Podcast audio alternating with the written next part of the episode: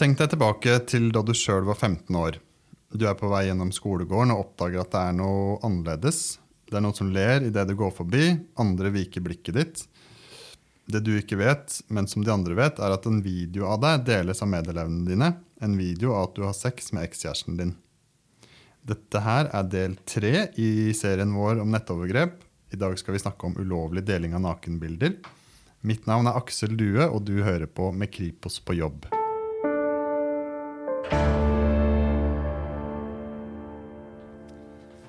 Skal vi se Velkommen tilbake, Hanne Andreassen og Tone Gulsvik. Eh, allerede i 2002 så skrev Høyesterett en dom om at det å få delt nakenbilder er en livsvarig krenkelse. Eh, Hanne, hva vet du om konsekvensene for ungdom som får spredt nakenbilder av seg sjøl på nett? Det nok, oppleves nok veldig individuelt. Eh, men de aller fleste eh, opplever det nok som en ganske stor belastning. Eh, I straffesaker og dommer så ser vi at mange ungdom opplever at det påvirker de i stor grad. Både når det kommer til sosiale relasjoner, konsentrasjon knytta til skolearbeid og psykisk helse. Og flere opplever f.eks. ubehag ved å ikke vite hvem som har sett bildet. Eller kanskje hvis de er på bussen og noen ser på dem litt for lenge, så tenker de med en gang at å, da har sikkert sett bildet, eller hun har sikkert sett bildet. Um, de får kanskje kommentarer fra kjente og ukjente i ungdomsmiljøet, og bildet dukker stadig opp, og noen bare 'Er det deg på dette bildet?' Uh, og sånne ting. Så de blir liksom aldri kvitt det. Eller det tar i hvert fall veldig lang tid. Ja, og vi er jo voksne, og på en måte de, de sakene som jeg har fått innblikk i, så er det sånn det setter seg så i magen hvor fort de videoene og bildene blir spredd. Det er helt enormt kjapt. Altså fra et bilde blir delt til én person, hvor det går i gruppechatter over hele landet, eh, bor i Bergen og får eh, snap fra noen som bor i Finnmark. Altså det er helt enormt. Og så kan det jo være at det ikke er du sjøl som nødvendigvis får vite det direkte. Kanskje det er småsøsknene dine som kommer og sier «Æ, jeg så bilde av deg. Og det bildet fikk søskenet ditt fra noen helt vilt fremmede en helt annen plass i landet. Det er helt enormt. Jeg jobber med ungdom som har fått bildet delt, og som ikke Altså, man går ut. Man prøver å leve normalt, men man klarer ikke, fordi man blir helt oppslukt i det. Hvem er det som har sett det bildet? Jeg tenker jeg som voksen, hvis et nakenbilde av meg hadde blitt delt, det hadde vært helt grusomt å tenke på hvem er det som har sett det og ikke. Og da som ungdom, når man vet hva relasjoner og hvor viktig det er, og, og man har lyst til å både føle seg kul og man har lyst til å være en del av Og så går folk og deler nakenbilder av det. Det må være helt forferdelig. Og de aller fleste er jo grunnleggende usikre. Og da spesielt sånn ja, kanskje en video at du har sex med noen.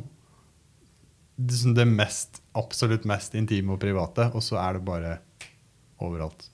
Og det tar lang tid, og for noen går det jo ikke over. Mens andre tar det ekstremt lang tid å kunne leve med at det er delt. Eh, Men den som du sier, den sårbare perioden i livet, mest sårbare kanskje, så er det det du opplever i ungdomstida. Du får liksom ikke blomstre og leve livet sånn som alle andre fordi noen har delt bilde eller video av det. Hanne, hvorfor deler ungdom eh, nakenbilder og videoer av hverandre?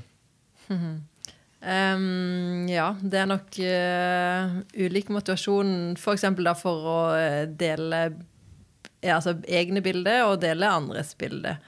Um, og Redd Barna har jo bl.a. skrevet en rapport som heter 'Hvis du liker meg, må du dele et bilde'. Og Der har de da intervjua en rekke ungdom uh, og fått liksom svarene deres på hvorfor de deler nakenbilder.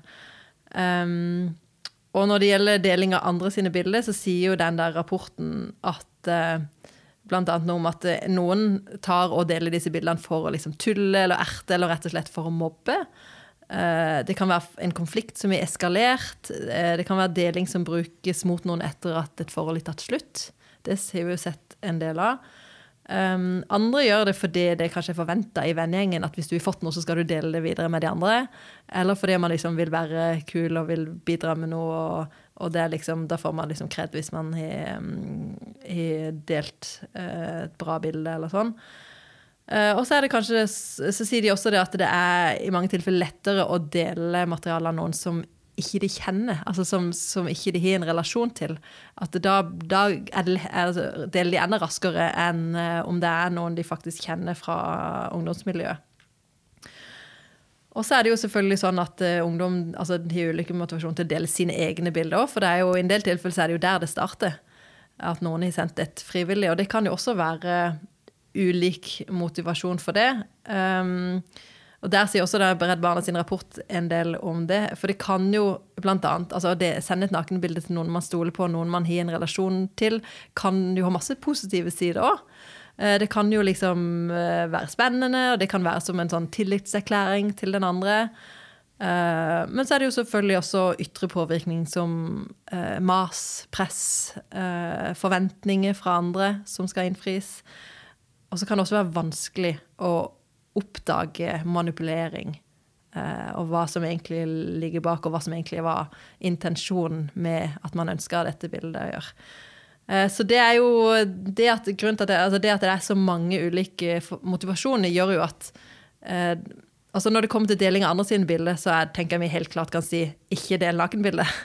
ikke del nakenbildet av andre. For det er ikke greit, og det er, det er ulovlig. Men når det kommer til deling av sine egne bilder, så så skal man i hvert fall, hvis man sier ikke gjør det, så må man som vi om tidligere, også si noe om hvorfor. Eh, hva konsekvensene kan bli. Eh, og selvfølgelig også alltid legge til at hvis du skulle gjøre det likevel, og ting blir vanskelig, så må du komme og si ifra. Jeg skal ikke bli sint, jeg skal ikke ta fra deg mobilen. Eh, jeg skal hjelpe deg og prøve å løse det. For det er jo det de ønsker hjelp til når ting er gått skeis. Det er jo uh, få hjelp til å fikse det.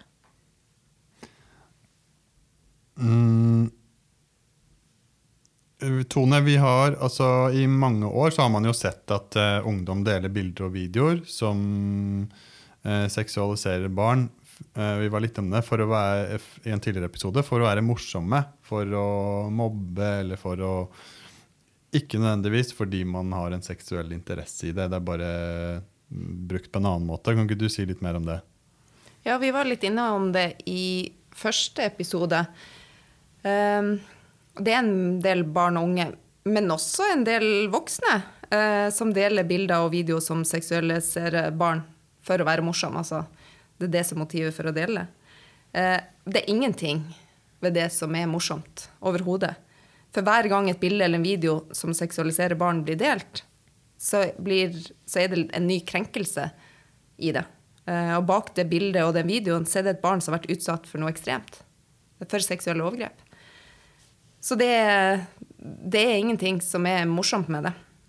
Det nytter ikke å sette på en emoji eller noe kul musikk eller å gjøre det til noe morsomt. Det er fortsatt krenkelse bak det.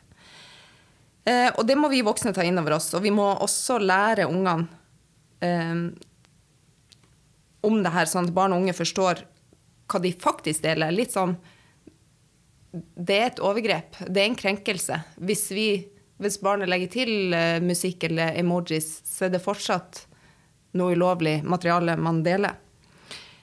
Og jeg tror barn og unge distanserer seg og ikke tenker helt over at det er en faktisk person bak den videoen eller bildet. Eller hva det barnet har vært utsatt for når det bildet eller den videoen ble tatt. Og så setter jo, som Hanne sier, barn og unge utsetter jo også hverandre for seksuelle krenkelser og overgrep ved at de deler hverandres bilder og video uten lov. Og du var jo inne på det i innledningen der at allerede i 2002 så beskrev Høyesterett det å få et seksualisert uh, materiale av seg sjøl delt som en livsvarig krenkelse. Jeg har lyst til å lese opp hva Høyesterett uh, ja, skrev der. I tillegg til den enorme spredningen som oppnås ved å legge ut bilder på internett, er det i praksis ikke mulig å få slette dem. Barn som er blitt misbrukt gjennom produksjon av pornografi, vil således oppleve å bli gjenkjent i årevis. Det dreier seg i slike tilfeller om en livsvarig krenkelse. Man må regne med at risikoen for at andre kommer over bildene, vil være en betydelig tilleggsbelastning senere i livet for den det gjelder. Uh, dette her er fra 2002, og det kan jo forklare litt av ordlyden som er brukt her. Enorm Men, spredning i 2002. Ikke sant? Enorm spredning, og de bruker begrepet som altså, misbrukt gjennom produksjon av pornografi og ting som vi kanskje, ord som vi ikke bruker nå om dette her. Men, men i 2002 så så de at dette, så de på en måte hvor ødeleggende dette her er. Og så vet du jo hvordan de teknologiske utviklingene har vært siden 2002 og til i dag.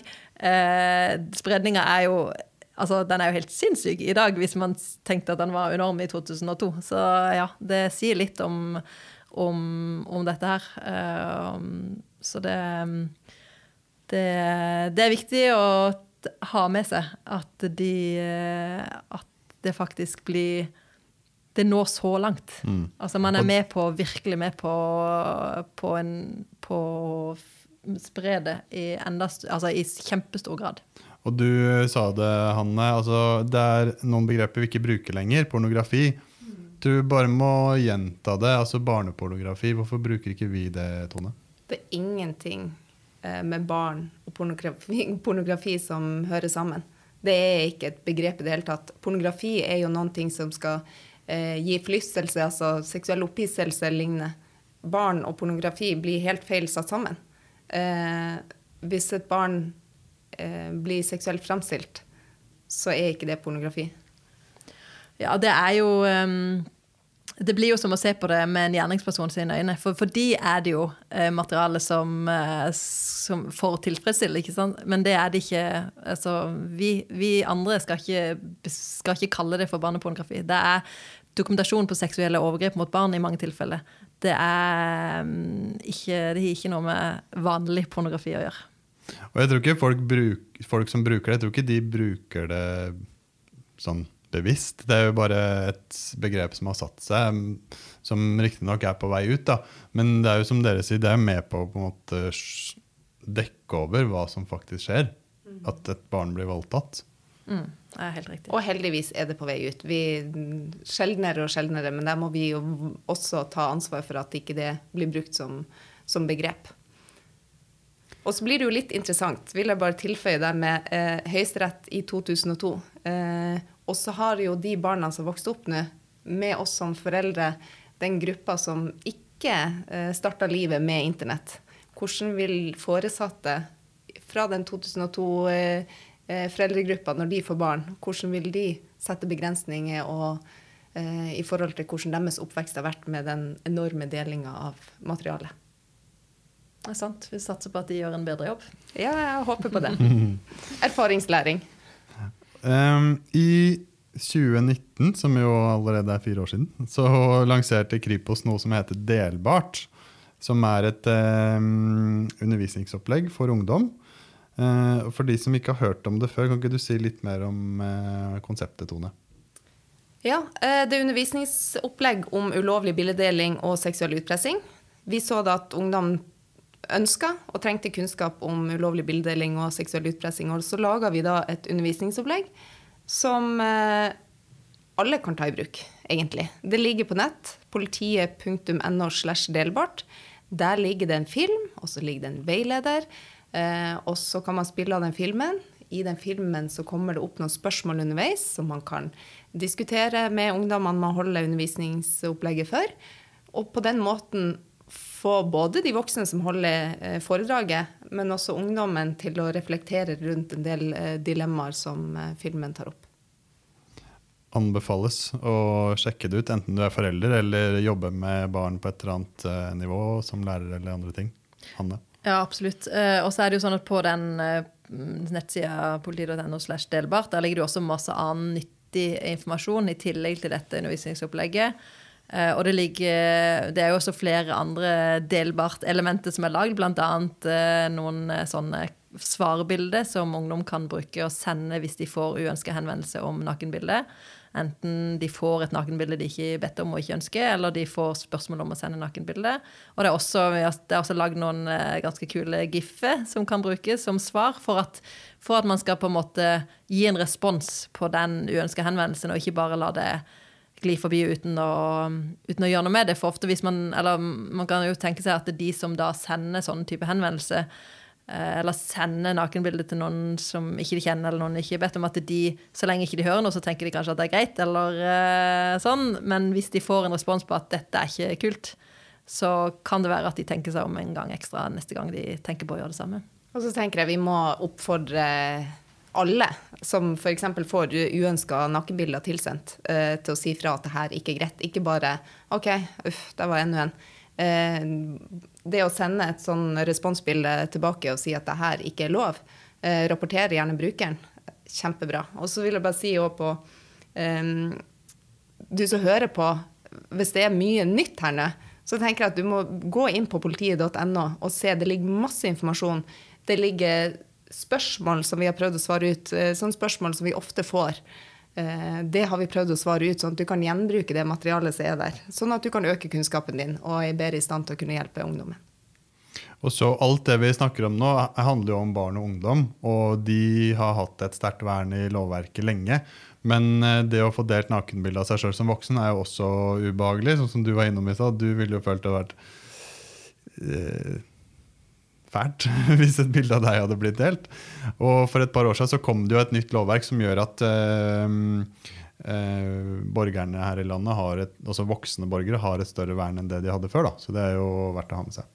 Absolutt. Og det er òg noe at man ikke skal akseptere eh, hvor det kanskje var vanskeligere det å anmelde eller å, å forfølge. Eh, så har man fått straffelovens paragraf 267 a og b som, som regulerer det. Eh, så det å anmelde er fullt mulig der òg. Mm, og det, var, det, har jo alltid vært straffbart. Man har brukt andre paragrafer for å, i disse sakene, men, men med nye, de nye bestemmelsene så ble det tydeliggjort at dette Altså det ble ja, veld, veldig Det ble tydelig også i, i, det, i, loven at dette er ikke innafor. Og den er jo sånn spesifikk opp mot eh, krenkende, eh, krenkende materiale. da. Mm. Jeg starta denne episoden her med å lese opp et eksempel der en video blir uh, spredt på en skole. Um, Hanne, hva er det som skjer med bilder og videoer som, uh, som den videoen? Altså en uh, ung jente som har sex med ekskjæresten sin. Hva er det som skjer med de på nett? Ja, det er jo dessverre sånn at når det først er spredd, så har man jo ingen kontroll på når eller hvor det dukker opp igjen neste gang. Eh, og vi ser jo også at en del av dette materialet eh, finner veien til forum og gruppe eller nettsider hvor personer med seksuell interesse for barn deler overgrepsmateriale seg imellom. Eh, og som jeg også nevnte en tidligere episode, når vi ser på den totale mengden overgrepsmateriale som tilgjengeliggjøres på nett, så har man over flere år sett en økende andel materiale som er egenprodusert, altså bilder og videoer som barn og unge sjøl har lagd eller bidratt til å lage. Um, eller materiale de har delt med andre, enten materiale de har delt med andre, eller at de er blitt filma nakne, eller mens de har gjort seksuelle handlinger med seg sjøl foran webkamera, f.eks. Uh, ehm, noe av dette uh, er gjort under press eller tvang, men mye av det er, virker som å være lagd i utgangspunktet da frivillig. Og dette materialet finner jo da altså veien til voksne med seksuell interesse for barn. Og de er det ganske mange av. Kan ikke du eh, si litt om hvordan er det de opererer på nett, de som har en sånn de som har en seksuell interesse for barn og er opptatt av å samle og se og konsumere alt det som havner der av filmer og videoer? Ja, de er jo ganske, de er egentlig ganske ulike, disse, um, disse som bruker overgrepsmateriale, det er jo Man har jo en del sånne samlere, som du er inne på, som virkelig altså som laster ned og lagrer og lager seg store samlinger av materiale. Og så har du andre som kun ser på det som er tilgjengelig på ulike nettsider. Eh, noen er, bruker bare det åpne nettet. Andre bruker, er på fildelingsnettverk, laster ned der. Eh, andre der igjen, kanskje med enda høyere sikkerhetsnivå, er på Tor eller andre, altså NTN-krypterte plattformer. Eh, de er veldig ulike, men, men eh, vi ser jo at eh, det ofte er en veldig sånn eh, iger etter å få, skal se nytt materiale. Det er, mye det er veldig mye overgrepsmateriale tilgjengelig på nett, men, men, det å få tilgang på nytt materiale er, er veldig attraktivt. Uh, vi ser bl.a. i en del uh, forum at hvis du skal liksom få tilgang til denne delen av uh, gruppa eller denne delen av forumet, så må du dele egenprodusert overgrepsmateriale først for å bevise at du er en produsent. Da skal du få tilgang til også dette her som andre produserer. Um, og det er jo veldig skremmende, for det gjør jo at for, sant, for, å få tilgang, så må du rett og slett Eller til det materialet som er der, så må du faktisk ha tilgang på et barn og uh, utsette det for seksuelle overgrep, uh, dokumentere det, dele det. Uh, så det, det, skaper jo enda mer materiale. Og da, altså det, Selvfølgelig det verste er jo at du, altså barn blir utsatt for, for overgrep for at man skal kunne produsere dette materialet. Og de veit jo at det er ulovlig. Det er ikke sånn som vi det vi snakka om i stad. Det er jo ungdom som vet de faktisk at det er ulovlig eller ikke å dele et nakenbilde av noen andre. Mens den uh, gruppa vi snakker om her, er jo veldig klar over at det de gjør, ikke er lov. Ja, det er det jo. Og de er jo også, mange er jo veldig opptatt av å ikke holde seg skjult og i veldig høy operasjonssikkerhet. Uh, men det er også varierende det. Eh, og så er det jo også sånn, heldigvis, at eh, selv de som opererer på Tor eller andre krypterte plattformer, de, de er jo ikke alt, altså, eh, de er ikke helt trygge, de heller. For det, har jo, politiet har jo også metode for i noen tilfeller å klare å identifisere de som opererer der. Gjerne sammen med informasjon fra mer åpne kilder. Men, men det er eh, De vet helt klart at det de gjør, er ulovlig. Det er det ingen tvil om. Og Tone, hva, hva, slags samtaler og prat er det vi ser disse personene imellom? De diskuterer og normaliserer. Det er ikke noen som regulerer. Eh, det blir litt radikalisering av hverandre, rett og slett. Det er jo ikke noen som går inn og sier 'hei, det her var litt for drøyt', eller um, Så det er jo ikke noen motpoler eller voktere som, som er der og å gjøre noe. Og så er det jo anonymiteten i forhold til det internett. Eh, følelsen av at de er anonyme. Og så sier jo vi i straffesaker at når noen blir tatt, så ja, men det var bare fantasi, og det har jo ikke skjedd, og det er jo ikke noe Altså de bortforklarer veldig mye. Eh, lager seg forklaringer hvorfor ting er som det er. Eh, men vi ser jo også da, hvis vi kan gå gjennom chatter f.eks., så kan vi jo se at det har faktisk skjedd. Og det kan jo være at de utveksler informasjon med hverandre om hvor de kan finne overgrepsmateriale. Altså de hjelper jo hverandre eh, på hvor er det nyeste, eller nå må du inn der hvis du skal aldersgruppa, sånn og sånn. Vi ser de beskriver grove overgrep og tortur av barn i alle aldre. Eh, både av egne og andres barn. Og så oppfordrer de hverandre til å begå overgrep både mot egne og andres barn. Og ikke minst det å dokumentere det, altså det å kunne trade materiale. Eh, er en greie. Og det å dele det videre, det å kunne komme seg inn på andre fora ved å bruke, komme med nytt materiale, som, som Hanne beskrev i stad. De utveksler erfaringer og tips for reise og overgrep i utlandet. Eh, de utveksler kontaktinformasjon til sårbare barn. Altså det er så utspekulert at det er helt forferdelig eh, å lese de chattene der. Og så utveksler jo det informasjon om hvordan de skal skjule seg for politiet, ikke minst. Det jo hele tida finne nye plattform eller kryptering eller, eller, hva det måtte være. Og ungene er jo dessverre lett å manipulere. Altså De sitter innenfor sitt område og har sin kunnskap, og så sitter voksne folk med den kompetansen, teknologien og de mulighetene som er der. Mm. Så det Nei. Altså, Internett er jo en gullgruve for personer med seksuell interesse for barn. Eh, de kan få kontakt med andre med samme interesse. Eh, og de kan veldig enkelt få tilgang til overgrepsmateriale, og om ikke enda enklere tilgang, med, altså til, altså tilgang til barn. Kontakt med barn. Altså det er jo alltid masse, masse, masse barn på nett. Og nå har vi jo ikke snakka så mye om Nå har vi jo Det dere beskriver nå, er jo veldig sånn mørk del av virkeligheten. Og nå har vi ennå ikke sagt så mye om sånn hva er det vi gjør for å bekjempe det den gode kraften inni det her. Så det skal vi komme tilbake til i en seinere episode.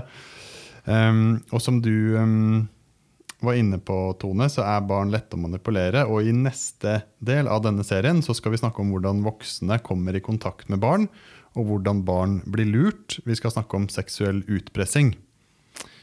Eh, Du har nå hørt en episode av Med Kripos på jobb. Denne podkasten blir produsert av kommunikasjonsstaben i Kripos, og mitt navn er Aksel Due. Música